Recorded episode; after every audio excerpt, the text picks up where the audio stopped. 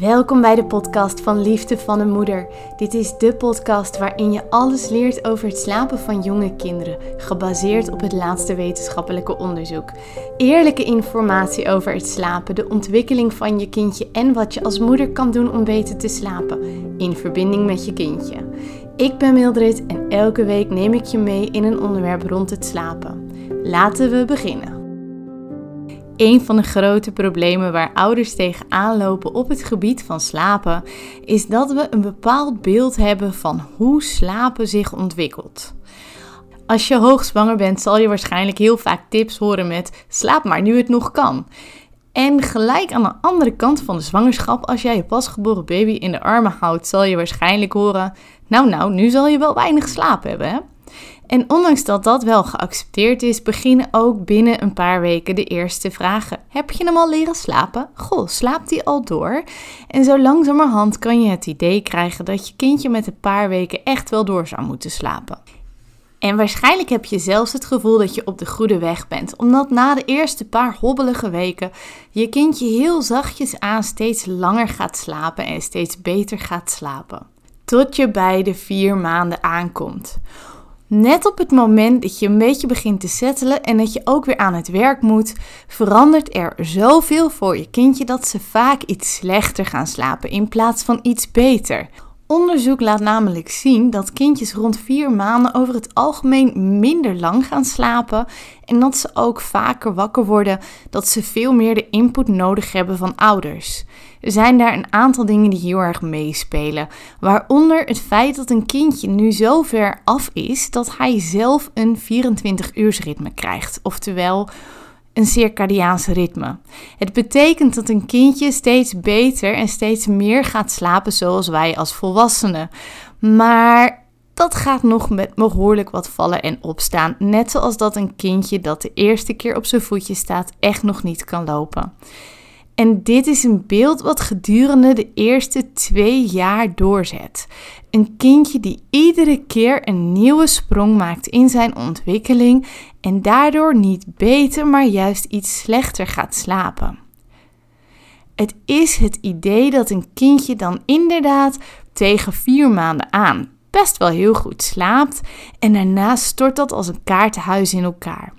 En net als je denkt dat je dat rond zes maanden weer op orde hebt, kom je aan bij de acht maanden en blijkt er weer een enorme hobbel te zijn waardoor je kindje een stuk slechter gaat slapen. En zo kan je zien dat gedurende de eerste twee jaar van het leven van je kindje het slapen met ups en downs gaat. En eigenlijk dus niet alleen maar up.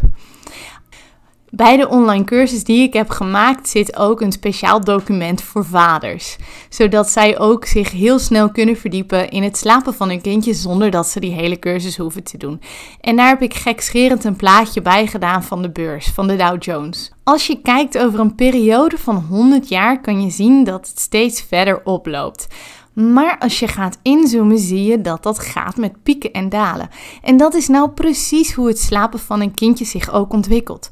Als je uitzoomt, dan zie je een kindje dat van 0 tot 3, 4 jaar steeds iets beter gaat slapen. Maar als je inzoomt, dan zie je dat daar telkens hele diepe dalen tussen zitten. Zoals ik net al noemde, heb je een dal rond 4 maanden en een dal rond 8 maanden. Maar het dal rond 8 maanden is niet zomaar een dal, dat is een dal met nog diepere dalen. Vaak zie je dat rond 8, 9, 10, 11 en 12 maanden iedere keer terugvallen zijn in het slapen. Telkens als je denkt dat je er bent, val je weer terug in elk uur wakker worden. In niet meer zelf in slaap kunnen vallen. In weer een extra nachtvoeding. Dat is niet erg, want het is precies te rijmen als je kijkt naar hoe een kindje zich ontwikkelt. Alleen het grote probleem is dat wij deze kennis niet kunnen vinden in algemene babyboeken. Veel boeken die je kan kopen over het slapen van je kindje zal zeggen dat met een maand of vier of met een maand of zes een kindje in staat is om zichzelf te kalmeren en zichzelf te helpen en om daaruit ook door te gaan slapen. Maar puur gekeken naar hoe een kindje zich ontwikkelt en welke sprongen hij daarin maakt, is dit niet waar. Een kindje kan met zes maanden niet zichzelf kalmeren. Sterker nog, dat is een ontwikkeling die begint in de babytijd en die pas ergens in de jaren 20 afrondt.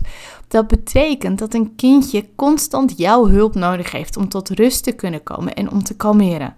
En om je een voorbeeld te geven, als jij zelf iets heel ergs meemaakt waardoor je helemaal van je stuk bent, zal je ook een kalm persoon naast je nodig hebben om weer te kunnen kalmeren, om je er doorheen te helpen. En voor een kindje is dat niet anders. Daarnaast gaat een kindje door verschillende fases van verlatingsangst heen.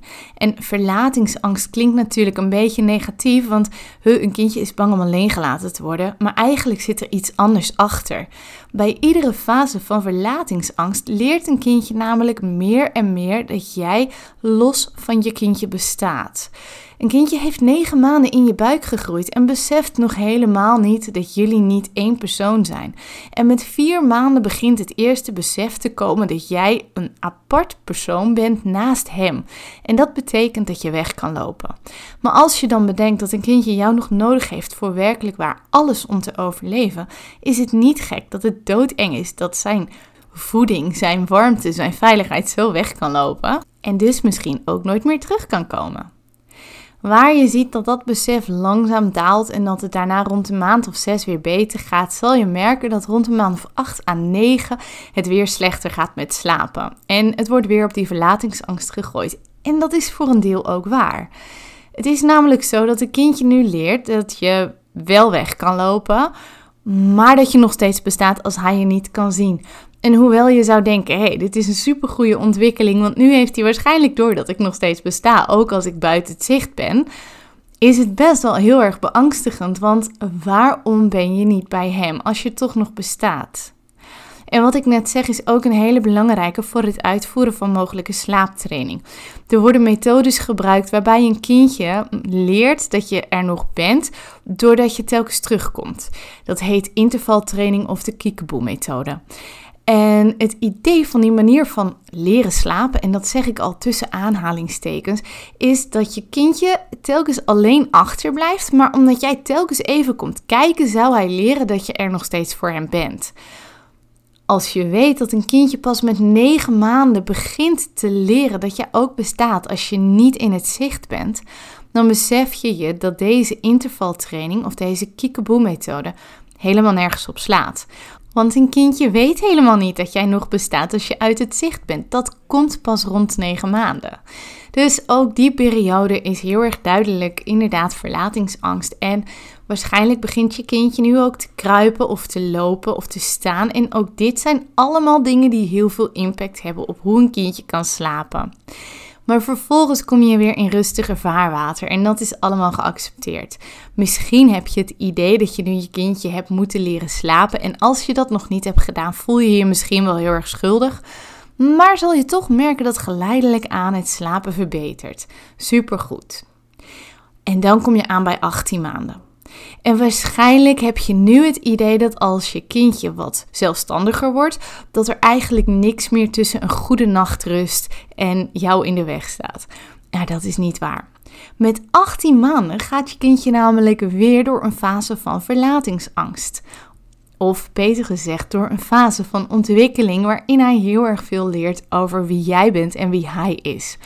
Op dit punt gaat een kindje namelijk leren dat zijn behoeften lang niet altijd jouw eigen behoeften zijn. En dat is best wel beangstigend. Om je een voorbeeld te geven. Waarschijnlijk heb je op dit moment een relatie met de vader van je kindje. En hebben jullie de neuzen waarschijnlijk ook dezelfde kant op. Je wil allebei je kindje opvoeden in liefde. En je wil allebei dat je kindje opgroeit in de zekerheid dat hij geliefd is. Dat hij krijgt wat hij nodig heeft. Maar op het moment dat jouw partner een heel andere zienswijze heeft, maakt dat heel erg onzeker. Als je er niet van op aan kan dat jouw partner op dezelfde manier denkt over dingen als jij, heb je waarschijnlijk heel veel strijd. En nou noem ik het natuurlijk op het gebied van opvoeden, maar dat kan op allerlei verschillende vlakken. Op het moment dat je niet hetzelfde wil in het leven, of op het moment dat je niet hetzelfde verwacht van het leven, kan dat zorgen voor heel veel wrijving en onzekerheid. En dat is precies wat er rond 18 maanden ook gebeurt bij een kindje. Tot op dat moment waren zijn gevoelens over het algemeen ook jouw gevoelens. Dus als hij honger had of als hij zich verdrietig voelde, dan ging hij ervan uit dat dat een gevoel was wat jij volledig kon begrijpen en dus daarom ook kon oplossen. Met 18 maanden is een hele belangrijke ontwikkeling voor het empathisch vermogen van je kindje en begint het dus ook zo te zijn dat je kindje kan beseffen dat als hij trek heeft of als hij verdriet heeft, dat dat lang niet altijd betekent dat jij dat exact hetzelfde voelt. En dat is best spannend, want daarmee rijst weer de vraag: kan jij wel voldoen aan zijn behoeften op het moment dat jullie allebei iets anders voelen? En vaak zie je dat kindjes ook op deze tijd weer heel erg terug willen naar hun veiligheid en naar hun moeder. Alsof ze zich er zeker van willen weten dat jij hetzelfde wil voelen en hetzelfde voor ze wil doen als voordat ze dat besef hadden. En nu zitten we pas op 18 maanden. In een andere podcast ben ik al ingegaan op de invloed van het slapen van je kindje op jouw eigen leven en ga ik veel verder door.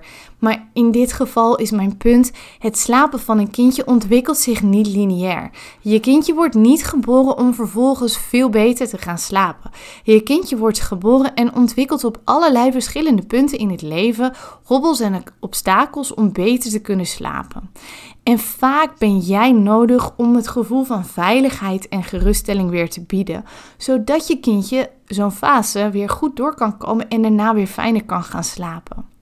Vaak zie je dat op het moment dat het slapen heel erg slecht gaat, dat moeders daar heel onzeker van worden, omdat ze altijd horen dat het slapen lineair ontwikkelt. Maar als je je beseft dat het slapen ongeveer een achtbaan is en vanzelf beter gaat als je maar uit kan zoomen, dan zal je merken dat de druk om er nu iets aan te veranderen ook wegvalt.